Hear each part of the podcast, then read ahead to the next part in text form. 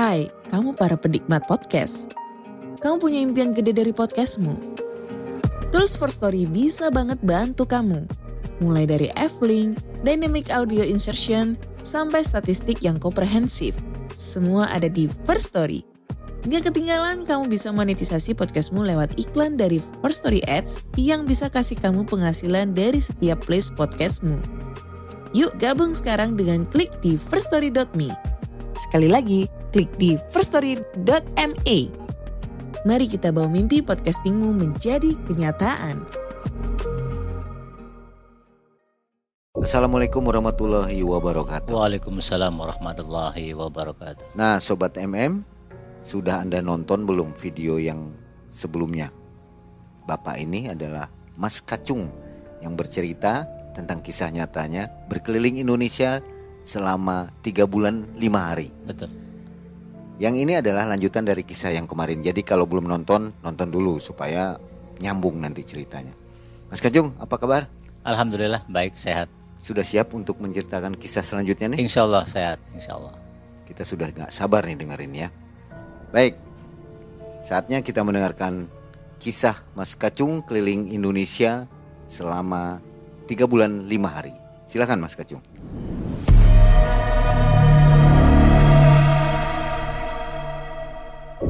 Baik setelah kami selesai dari pelabuhan yang tiga kapal itu tenggelam, saya juga berusaha semaksimal mungkin untuk dapat menyeberang. Alhamdulillah ada pertolongan dari warga sekitar. Saya menyeberang untuk tujuan ke Makassar atau Sulawesi. Itu ketika saya mau uh, ke Sulawesi, para kru, kaptennya juga yang itu kapalnya kapal bugis tuh pak. Jadi dia apa namanya tuh sangat semangat untuk memberi pertolongan saya, saling bantu menaikkan beca. Dan alhamdulillah setelah itu kita naik berjalan kapal itu. Dan ternyata betul kapal-kapal yang tenggelam itu kalau melewatin selat itu namanya selat Awu itu benar-benar gelombangnya besar. Dan itu juga saya terombang ambing. Saya muntah tiga kali di situ tapi alhamdulillah setelah melewati gelombang itu aman dan ini dikarenakan kuasa Allah ya jadi mereka yang di situ yang kru maupun kapten itu sholat semua ketika waktu duhur sholat, asar sholat, maghrib bisa sholat semua. Dan Alhamdulillah selamat. Itu kurang lebih menuju Sulawesi itu hampir saya tiga minggu. Kalau pakai kapal feri tidak sampai tiga minggu. Paling tiga atau empat hari. Cuma karena ini kapalnya kapal untuk menyuplai bahan bakar di pulau-pulau kecil, ada sembako dan sebagainya, itu jadi kita mampir-mampir yang tadinya saya rencana langsung ke Sulawesi, ke Makassar, ini saya mampir-mampir dulu. Ditunjukkan oleh Allah, nih ada uh, pulau yang kecil di sini, di sini, di sini. Sampai ke Pulau Selayar, sampai ke pulau ada lagi yang kecil-kecil yang di peta itu, saya sampai di situ. Nah, setelah hampir tiga minggu, kurang lebih satu hari sebelum nyampe Makassar itu karena dermaganya si pelabuhan itu penuh, kapal-kapal pada bersandar, terpaksa ini uh, kapal yang bagus ini tidak nyandar ke pelabuhan, di masih di tengah-tengah. Ini saya mau tanya dulu nih Pak, sebelum berlanjut kisahnya. Hmm. Ini kucingnya Mas Kacung. Wah, betulan nih Pak saya juga mau cerita nih Pak. Ini kucing nih tadi saya ke sini itu kan pas belok kan ada kucing. Mau ikut oh ini kucing kayaknya. ikut aja, kayaknya mau ikut mau syuting ini kayaknya. Dan ternyata alhamdulillah ini yang tadinya di jalan tuh apa seperti enggak ini ketika dipegang kok diem. Tapi nggak ikut keliling Indonesia kan? Enggak. Betah dengan Mas Kacung. Iya, Apa alhamdulillah. penyayang binatang? Ya di rumah ada sekitar ada eh, enam lah, ada enam. Nah karena ini si Captain melihat situasi di depan itu dermaga pelabuhan itu penuh dengan kapal, jadi terpaksa menjulurkan eh, jangkarnya di satu kilo lah, kelihatan sih jangkar diturunkan dan situ berhenti. Kaptennya berinisiatif ini anak ini mau nyebrang nih harus manggil ojek perahu kecil nih. Nah, nggak lama kemudian datang tuh perahu pak, ada ojeknya. Jadi perahu kecil, beca juga airnya masuk tuh. Ketika beca turunkan ke kapal yang ojek itu yang kecil, naik air tuh. Jadi saya sambil naik perahu, ya sambil mainan air situ. Nggak sampai satu jam sebentar, kurang lebih 30 menit kurang lah, udah sampai di situ. Dan alhamdulillah sambutannya bagus ketika saya sampai di pelabuhan juga pihak-pihak dari Syah Bandar juga situ menyambutnya. Dapat izin yang bagus, di situ juga dikasih pelayanan cukup lah.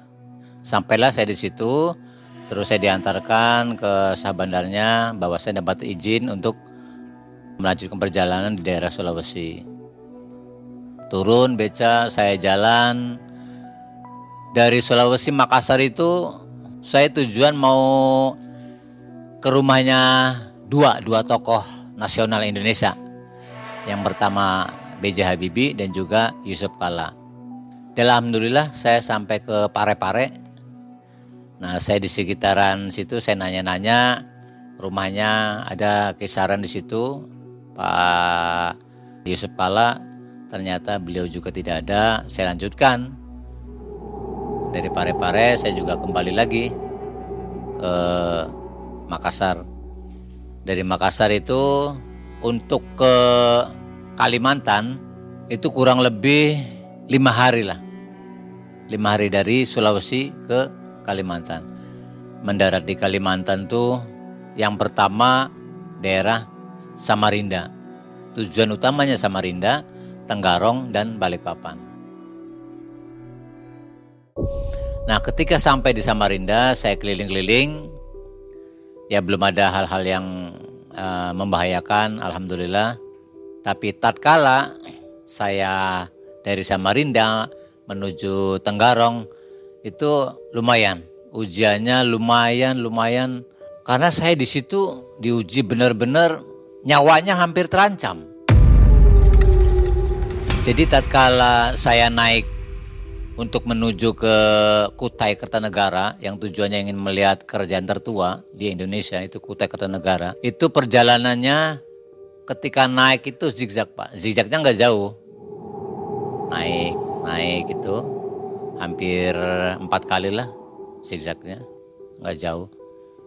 Tapi tatkala sampai di ujung puncaknya itu ketika melihat ke bawah itu zigzagnya jauh sekali zigzagnya. Jauh yang tadi si empat, ini mungkin dua. Nah, di situ ada sedikit keraguan, ini turunnya bagaimana nih beca nih, gitu. Cuma karena pengalaman di belakang juga pernah mengalami uh, hal tersebut, ya saya memberanikan diri tuh.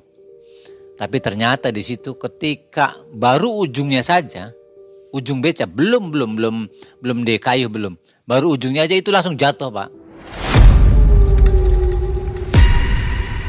Jatuhnya nggak gedubak gitu nggak.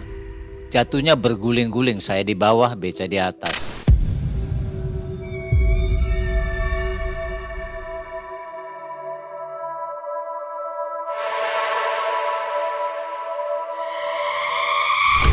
Saya di atas, beca di bawah. Sampai di pertengahan itu saya masuk di becanya, malahan seperti kayak di blender tuh pak. Udah saya tuh di ke bawah sama beca tuh. Terus hampir Iya, hampir ke Sungai Mahakam, balik lagi mau nabrak tebing, jadi goyang-goyang gitu. Temennya ke mana? Oh iya, tatkala itu teman saya tuh sudah sudah memberitahukan dengan uh, sama saya rundingan ini Mas Eko bagaimana nih? Ini bisa enggak nih? Nah kata Mas Eko tuh udah di belakang juga udah udah pernah begini. Jangan Mas Eko ini bahaya. Enggak enggak apa-apa. Nah itu agak terpaksa. Saya juga lupa ini karena kehilafan saya mungkin ya saya nggak baca bismillah nggak apa. Itu langsung aja tuh pak. Bener. Begitu. Ujung beca ini sedikit keluar langsung jatuh. Mas Eko-nya sudah gelagatnya mau jatuh. Dia itu lompat.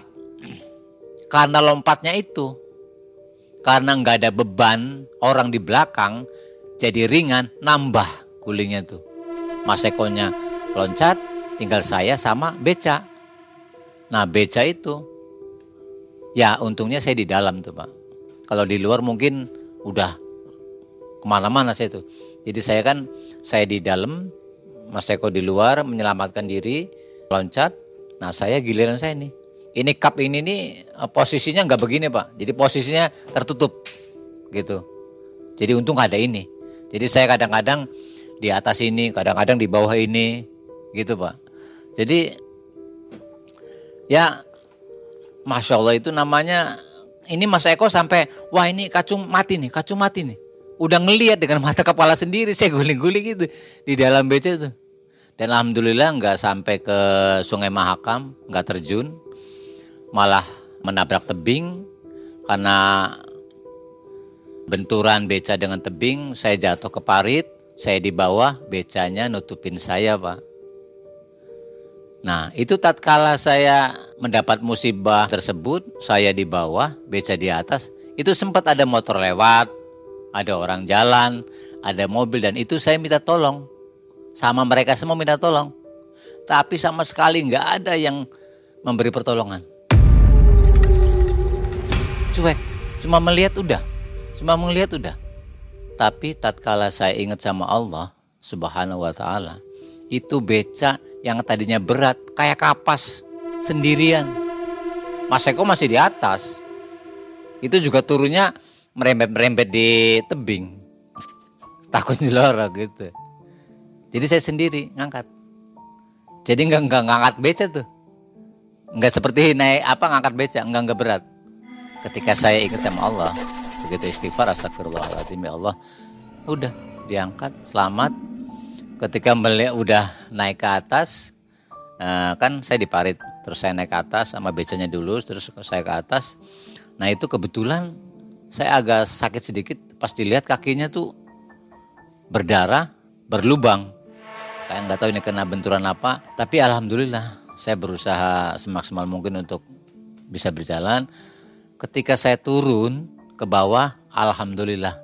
Di situ ada ibu-ibu, entah dari mana, manggil, Pak, sini. Pak, sini manggil-manggil. Itu, aduh, sini, sini, sini. Udah saya samperin, ternyata ngelihat kaki saya itu kesakitan. Langsung saya diurut sama beliau, ibu-ibu itu.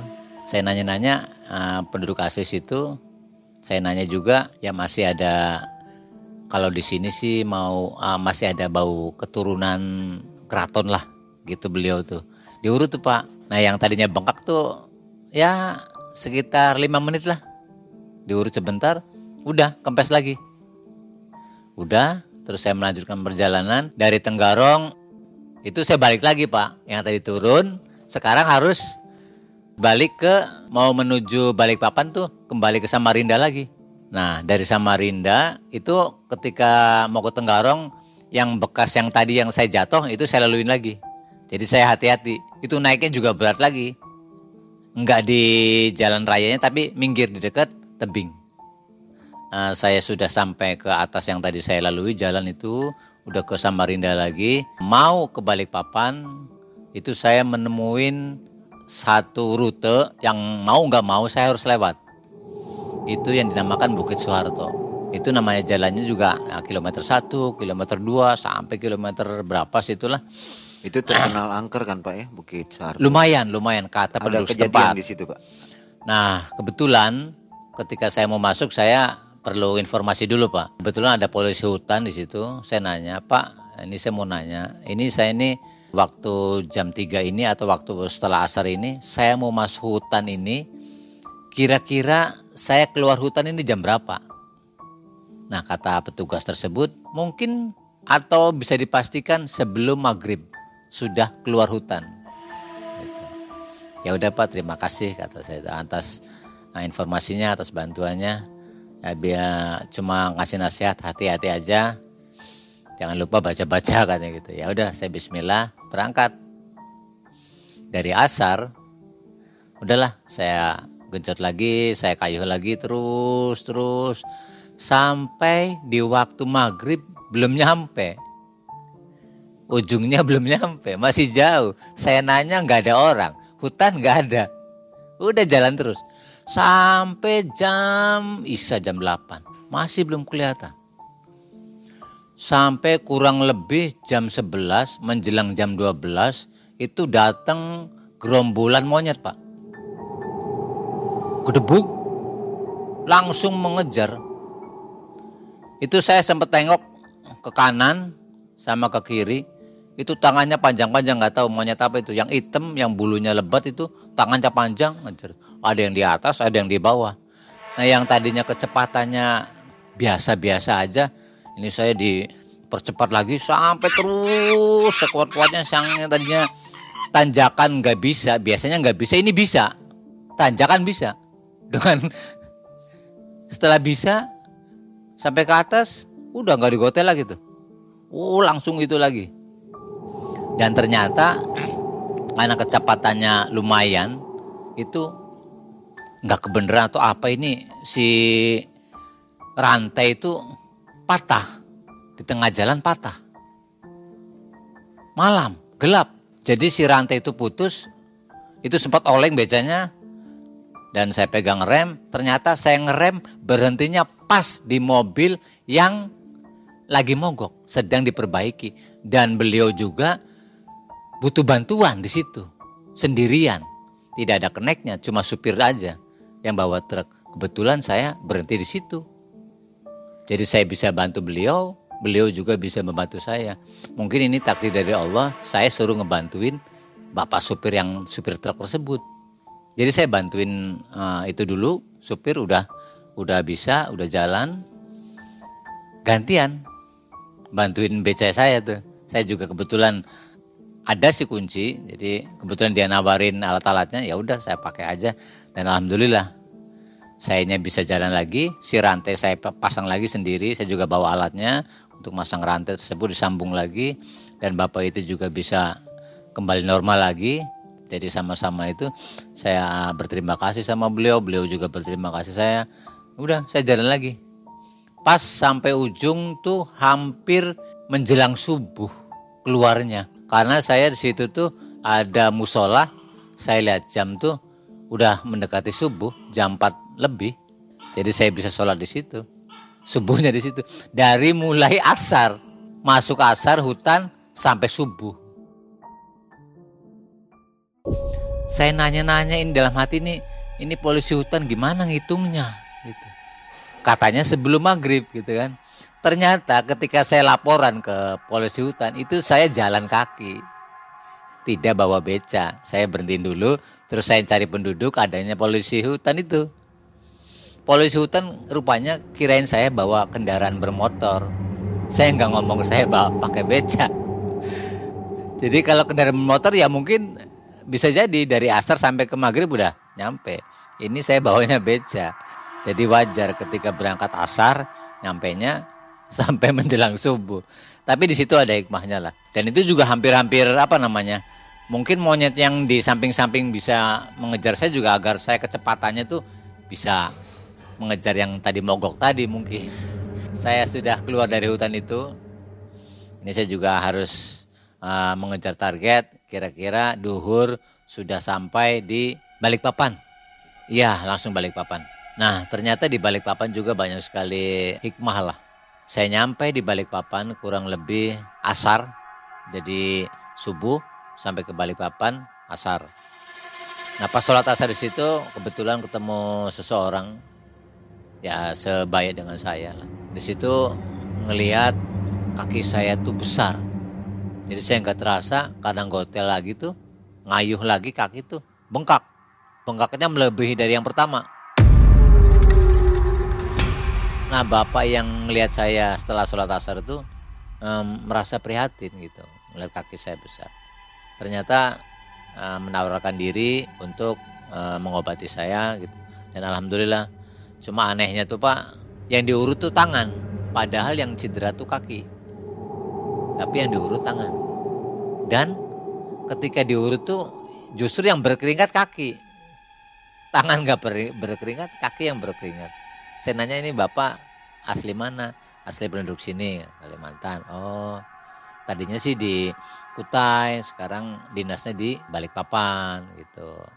Nah dia masih asli suku Dayak juga orang tuanya Nah ketika itu ngasihlah kartu nama gitu barangkali nanti ada sesuatu di kampung Mas katanya nanti insya Allah dari jarak jauh bisa gitu.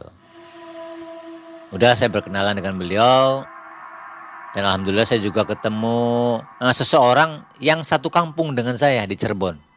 Dan itu alhamdulillah sangat mudah dibantu untuk menyeberang ke daerah selanjutnya. Dari Kalimantan Balikpapan tersebut saya itu rencana mau langsung ke Sumatera cuma karena via uh, apa langsung ke Sumatera nggak ada jalurnya itu jadi termaksa melalui Jakarta jadi Kalimantan via Jakarta langsung ke Sumatera.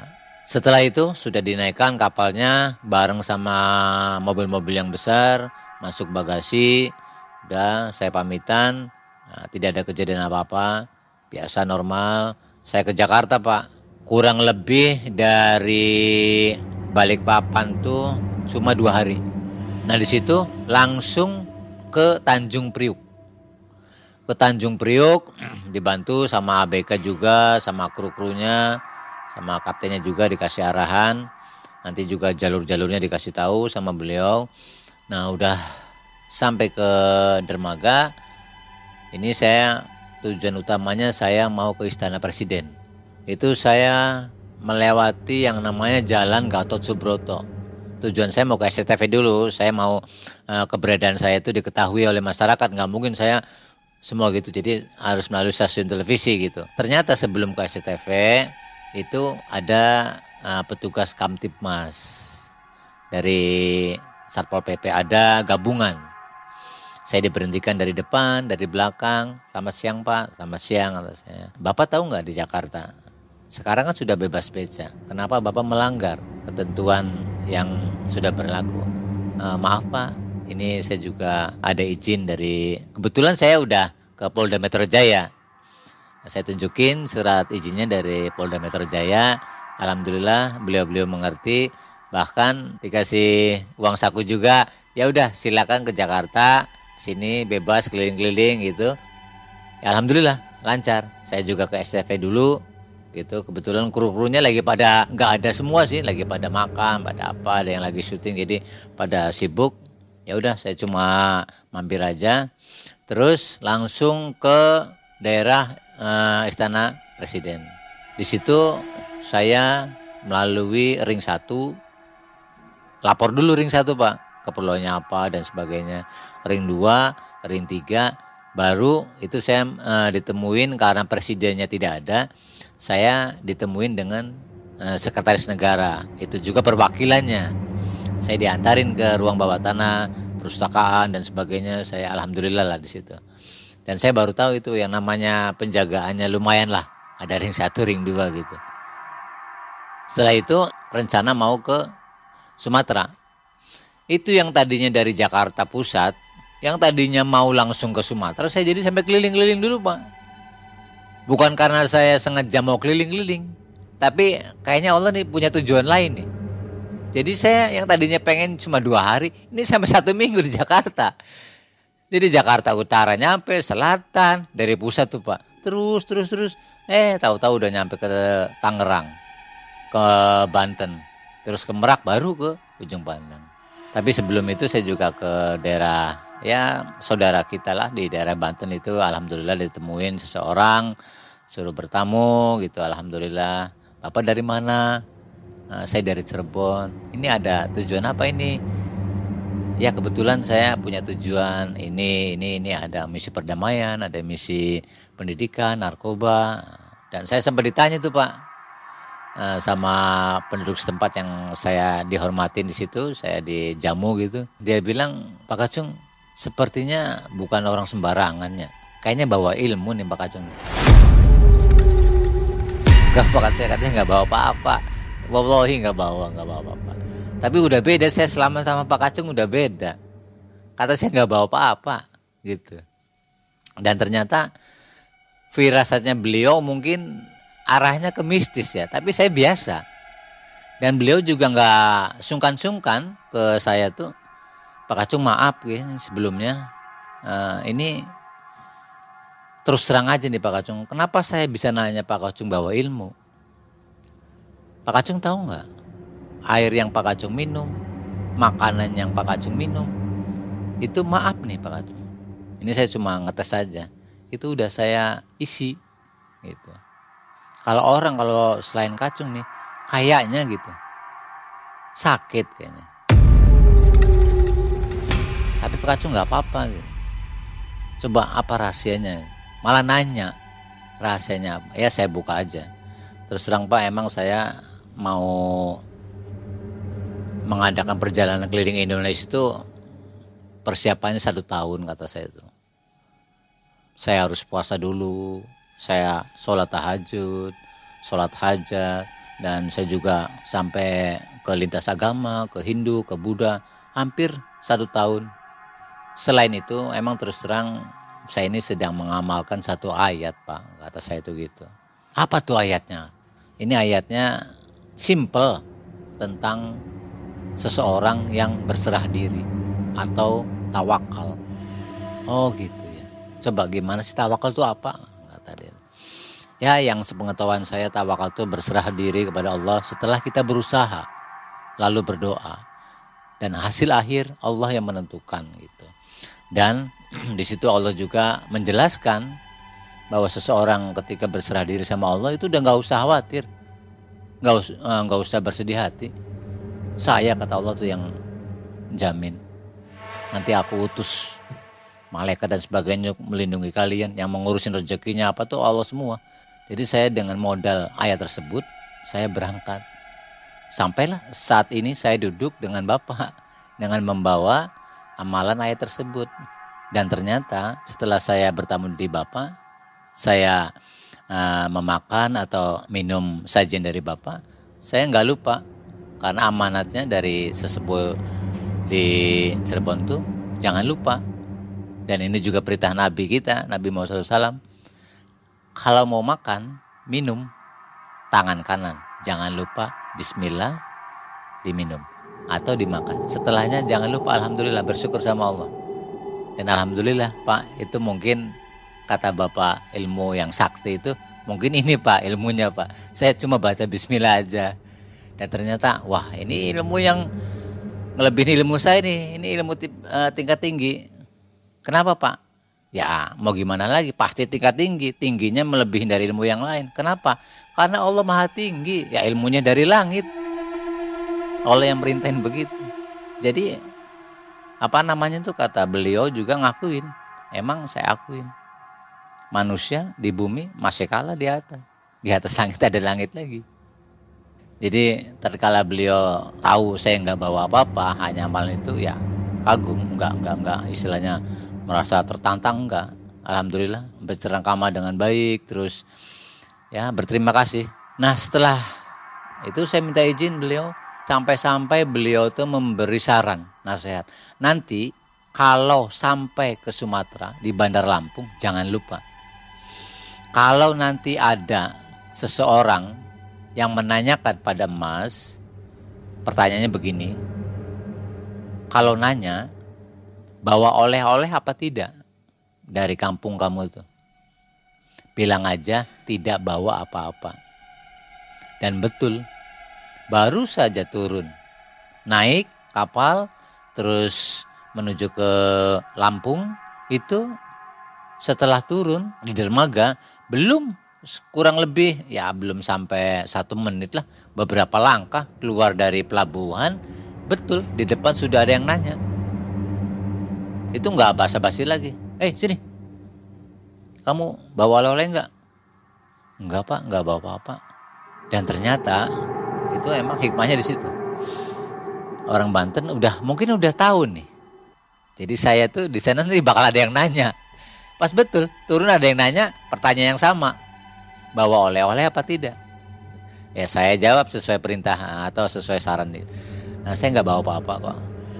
Saya hanya bawa yang ada di beca aja. Ya kebetulan saya juga ada perbekalan sedikit lah dari perjalanan itu ada yang ngasih buah-buahan, ada yang ngasih obat-obatan, minuman, hanya itu aja. Ya udah, jalan. Itu kalau jawab bawa oleh-oleh apa? Nah, setelah itu ketika saya nyampe di rumah warga setelah uh, apa melalui orang tersebut. Udah hampir satu jam menjelang duhur saya sholat ada yang sholat bareng sama saya saya nanya pak tadi ada yang nanya pak ada yang nanya ke saya. Itu nanya ke saya tuh bapak bawa oleh-oleh enggak? Saya jawab enggak. Itu maksudnya apa ya pak? Kata saya itu kata beliau waduh bagus. Alhamdulillah. Kamu jawabnya tidak. Itu kalau kamu bawa pasti nanti dikasih sesuatu kalau minuman kamu minum nanti perutnya besar, kamu makan nanti ada isinya juga. Dan betul, ketika saya itu ini ceritanya singkat cerita saya sampai Cirebon, itu saya ketemu dengan teman saya satu profesi beca yang pernah ke Sumatera juga, di Lampung juga, itu dia minum air kelapa. Dia bertamu ke daerah Sumatera, terus dia minum, itu perutnya langsung besar. Dan itu nggak sehari dua hari kempesnya perutnya harus diobatin orang pedalaman tersebut. Jadi semacam apa pak santet gitu ya. Nah itu harus jawabnya seperti itu ya. Iya. bawa Jadi pokoknya kalau misalnya bapak, saya atau siapa pun kalau nyampe daerah sana hati-hati. Itu yang nanyanya siapa pak? Siapa saja sana pasti kalau yang memiliki apa istilahnya kelebihan atau ilmu dan sebagainya, kalau ingin mengetes tamu atau orang-orang luar daerah, pertanyaannya tersebut pertanyaannya bawa oleh-oleh enggak? Kalau jawabannya bawa itu mungkin dites. Jadi oleh-oleh itu dia mempan atau tidak gitu. yang oleh-oleh itu ilmu ilmu kesaktian. Jadi kalau kita bilang bawa ini kalau saya nih bawa itu udah diminum tuh sama saya. Kalau sayanya misalnya itu enggak apa-apa nanti ada percobaan yang lain. Terus sampai sayanya kena kalau sekali udah udah kena ya udah tinggalin nggak diobatin. Kayak teman saya tuh ketika perutnya besar minta tolongnya sama orang pedalaman situ orang baduinya. Nah setelah itu udah dalam perjalanan juga saya ketemu polisi hutan lagi. Saya nyampe di pos polisi hutan itu sekitar jam menjelang maghrib juga. Ya saya sengaja mampir dulu sebelum saya lewat ke sana. Itu saya lapor dulu Uh, Pak selamat siang. Ini saya mau melanjutkan perjalanan. Ini saya harus masuk hutan lagi nih. Ini namanya daerah tulang bawang Pak. Nah daerah situ saya nanya Pak ini saya mau ke daerah tulang bawang. Kira-kira saya ke sana aman nggak? Aman sih aman kalau beruntung. Loh kenapa Pak? Ini jalurnya lumayan lumayan mas karena kalau enggak ini emas bisa tinggal kepalanya saja nih kalau ngelewatin jalan ini. Itu saya juga agak curiga karena sebelum saya ke polisi hutan tersebut itu saya berpapasan telanjang cuma pakai itu aja nutupin alat vitalnya aja. Pribumi situ. Pribumi mungkin penduduk asli yang di hutan penduduk mungkin. Asli mungkin ya. Iya. Jadi tampak oleh saya tuh mereka seperti bawa hasil buruan mau dibawa ke kota. Cuma di daerah perbatasan tuh saya ketemu sama mereka mereka itu ketemu. Yang perempuannya uh, telanjang dada aja ininya cuma itu yang ada yang bawa anak panah ada yang bawa tombak gitu ya. Saya kelewatan. Cuma itu ya mepet sama saya tuh. Cuma uh, beliau tuh yang orang-orang yang daerah pedalaman tuh seperti nggak ngelihat saya. Biasa aja gitu. Dan alhamdulillah saya nyampe ke polisi hutan. Kata polisi hutan udah uh, lebih amannya nggak usah diterusin Sampai sini aja nanti kamu balik lagi. Nah setelah mendengar penjelasan dari polisi hutan tersebut, teman saya agak goyah mentalnya. Saya juga sama, cuma karena saya punya tanggung jawab, saya harus sampai juga ke eh, Aceh. Tapi desakan dari teman saya, ini lebih baik jangan diteruskan. Karena emang Aceh lagi lumayan, sekitar tahun 2005-2006 lumayan. Ada bom Bali 1, bom Bali 2, di Acehnya juga lari ribut, di Malukunya, di Ambonnya, eh, semua pada ribut. Makanya saya berangkat tuh lagi gitu. Keadaan Indonesia lagi lumayan. Jadi saya tuh berinisiatif untuk uh, menyuarakan lah bahwa saya rakyat kecil pingin perdamaian, pingin bersatu. Walaupun berbeda-beda suku dan sebagainya, sama warga negara Indonesia. Makanya saya agak kaget ketika di Bali itu warga setempat, kamu orang Jawa ya. Bukan saya orang Indonesia. Mungkin kalau dulu kerajaan mungkin ya Jawa, Sumatera punya kota. Ini Indonesia, Republik Indonesia kata saya itu. Saya warga Indonesia. Saya ingin tahu daerah-daerah nah, semuanya. Ya udah, kamu ke sana. Tapi saya nyadarin karena itu meletusnya bom Bali satu. Karena tahunya kan eh, kelompok-kelompok khawarij atau pengebom dari uh, uh, apa tuh Ambroji dan kawan-kawan tuh tahunya orang Jawa. Padahal saya tuh Cirebon tuh Jawanya jauh. Itu kalau saya Jawa Cirebon tuh Jawa Barat, kalau Ambroji daerah Jawa Timur beda. Itu. Ini maaf gitu apa namanya saya sebut ada uh, Ambroji dan sebagainya ini simbol aja lah. Tapi ternyata hikmahnya banyak ketika saya melampaui beberapa daerah sampai di Sumatera dari semua yang saya lalui itu semuanya kehendak Allah, takdir Allah dan semuanya pertolongan dan rahmat Allah. Kalau usaha saya cuma sebatas kemampuan saya. Terbukti saya bawa 200 ribu, Alhamdulillah. Uang 200 tidak terpakai.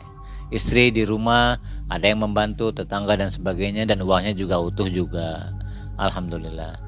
Ya, dua orang tuh seperti apa ya, dijamin sama Allah lah. Dan alhamdulillah saya berdua sama Mas Eko juga nggak minta-minta di jalan nggak. Udah jalan aja jalan. Gitu. Jadi setelah singkat cerita udah sampai ke Tulang Bawang, saya tidak diizinkan oleh polisi hutan. Terus teman saya sama saya juga rundingan ini gimana? Ya udah uh, demi keselamatan, keamanan kita supaya saya dapat bercerita ke teman-teman di rumah, udah kita balik aja. Uh, udah hasil musa musyawarah, mufakat udah balik dikhawatirkan barangkali di Aceh. Percuma ke sana juga lagi ribut gitu. Jadi saya putuskan udah saya balik lagi. Ini bagaimana nih baliknya nih? Apa naik mobil? Apa naik beca lagi? Udah naik mobil aja nyari penumpang. Ya udah cari penumpang aja. Jadi itu naik mobil. Supaya nanti ketika masuk ke kapal tuh saya beserta mobil udah masuk. Nggak perlu izin lagi saya udah truk dan mobilnya udah masuk satu paket gitu rencananya. Dan alhamdulillah dari Sumatera tuh ke Jakarta lagi dari Jakarta menuju daerah Bandung. Ke Padalarang terus mampir ke STPDN nyampe lah di daerah itu yang kelok-kelokan yang ada jurangnya itu Cadas Pangeran. Selama tiga bulan kurang lebih lewat tiga hari baru pertama kali ban meletus di daerah Cadas Pangeran. Nah itu saya baru tahu tuh.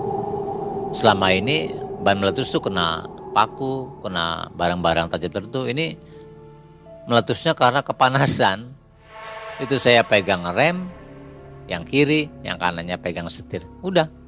Sampai ke Kabupaten Cirebon tuh gitu aja daerah Pamanukan, daerah Ciwaring itu ya udah. Gitu. Udah masuk ke daerah uh, Kabupaten Cirebon tuh. Jadi Sebelumnya bawa serep ya. Iya, persiapan tuh bawa ban serep, tapi pelek enggak.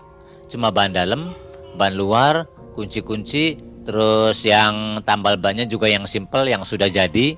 Jadi kita nggak usah di apa namanya itu nggak bawa lem lagi nggak, sudah ada, udah ada kit-kitnya, udah ada tinggal ditempelin, di gergaji dulu, terus baru tempelin cap. Ya, kompa juga bawa ya. Kompa otomatis bawa. Dan alhamdulillah itu sudah tiga bulan empat hari sudah nyampe Kabupaten Cirebon. Dari Kabupaten Cirebon masuk ke kota Cirebon tuh pas maghrib. Saya sujud syukur dulu di Masjid At-Taqwa sama Mas Eko. Terus langsung musyawarah, ini pagi saya harus bikin laporan. Laporan ketika saya pertama perizinan, saya harus ke wali kota, saya harus lapor juga hasil perjalanan saya.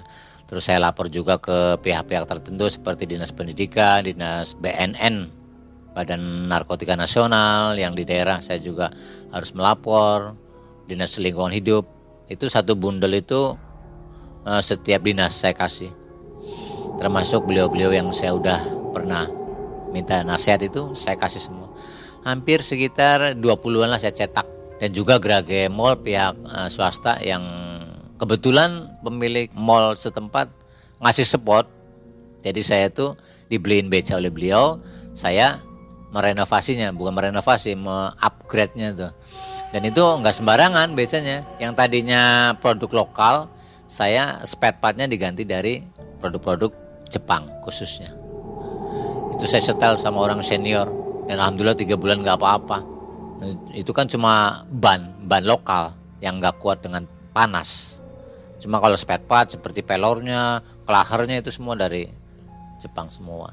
Semenjak itu setelah selesai uh, memberikan apa namanya itu laporan-laporan selesai udah syukuran saya berdua udah udah itu uh, saya sama Mas Eko berpisah artinya berpisah tuh uh, kita istirahat dulu nah nggak berapa lama uh, karena dulu juga saya cuma punya handphone jadul lah Mas Eko nggak punya sih jadi nggak ada komunikasi saya Mas Eko sampai sekarang sampai sekarang belum ketemu ya, lagi dari 2006 sampai 2023 ini saya belum ketemu. Ya mungkin karena kesibukannya beliau, saya juga kesibukan di sini. Mudah-mudahan masih daerah Kertasmaya Indramayu, mudah-mudahan.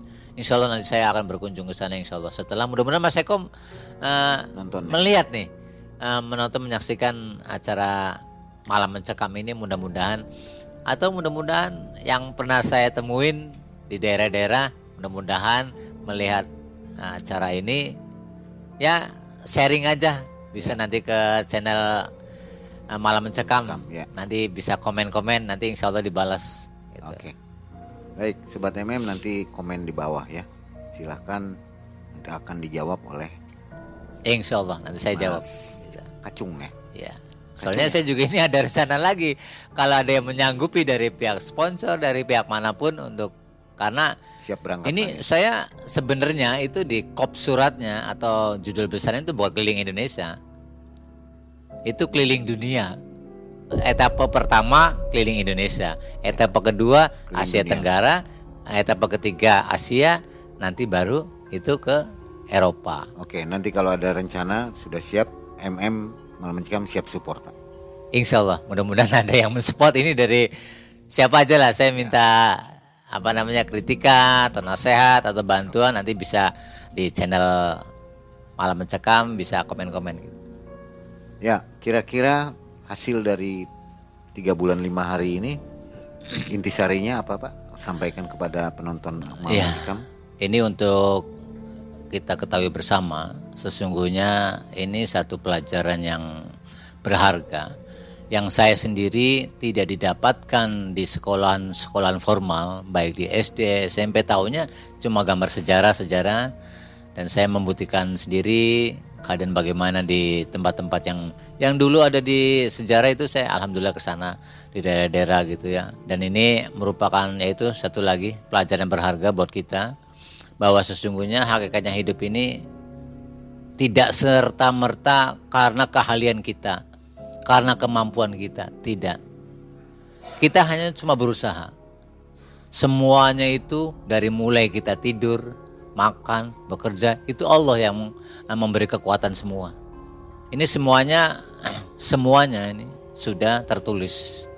Termasuk keberadaan saya di sini itu sudah ada di Lauful Mahfuz. Jadi kita nggak nggak usah khawatir. Makanya saya titik beratkan di sini semua yang mungkin ini pada melihat uh, acara ini kita harus bertawakal atau berserah diri sepenuhnya kepada Allah yakin seyakin yakinnya saya telah membuktikan dengan sendiri. Tiga bulan lima hari saya bawa duit 200 dan 200 tidak terpakai sama sekali. Saya dijamin sama Allah selama tiga bulan lima hari itu. Makan dari pagi siang malam sampai jajannya sampai uang jajannya dipenuhi sama Allah semua. Tapi ini harus dicatat. Nggak seperti serta merta Allah jamin begitu aja. Ada ikhtiar, ada usaha, sekecil apa pun. Pokoknya yang penting keluar dari rumah, Bismillahirrahmanirrahim. Kalian bekerja, yang dagang-dagang, yang usaha, yang penting jujur di dalam pasar atau jualan. Kita sebagai pekerja juga harus kalau karyawan harus taat sama atasan, atasan harus mengayomin bawahan gitu. Oke. Gimana sobat MM? Mantap kan kisah perjalanan dari Mas Kacung? Luar biasa. Semua sudah disimpulkan tadi. Mudah-mudahan menjadi manfaat dan renungan untuk kita semua. Ikhlas dan bertawakal kepada Allah Subhanahu wa taala. Kuncinya itu ya. Iya, ikhtiar, berdoa. ditambah ikhtiar dan berdoa. Terima kasih Mas Kacung atas Sama-sama, sama-sama. Saya juga berterima ini. kasih banyak telah memberikan kesempatan buat saya untuk sama-sama. eh, berbagi cerita. Ya, Ini mudah-mudahan bermanfaat buat kita semua. Silakan. Amin ya robbal alamin. berkomentar di bawah. Insya Allah Mas Kacung akan ikut menjawab di videonya. Insya Allah Sampai dengan jumpa senang hati. di video yang lainnya. Wassalamualaikum warahmatullahi wabarakatuh. Waalaikumsalam warahmatullahi wabarakatuh.